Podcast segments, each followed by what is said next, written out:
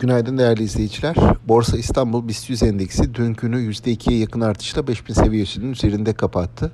Artışa en büyük katkı havacılık, petrokimya, cam ve oto hisselerinden gelirken gübre şirketlerinin de yine yüksek getirilerle ortalamadan olumlu ayrışta dikkat çekti.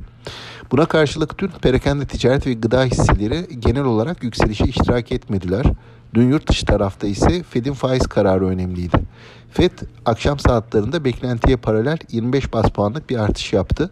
Ancak yurt dışı hisse senedi endeksleri özellikle ABD hisse senedi endeksleri hazine yönetiminden gelen bankalardaki mevduatın tümüne sigorta uygulanmayacağı haberine olumsuz tepki vererek güne ekside kapattı.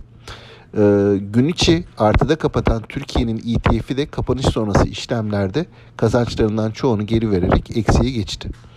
Piyasa bugün güne hükümetin en düşük seviyedeki emekli aylıklarında artış açıklamasıyla başlıyor. Dünkü alımlarının ardından bugün piyasanın yatay bir seyir izlemesini bekliyoruz. Sağlıklı, bol ve bereketli kazançlı günler dilerim.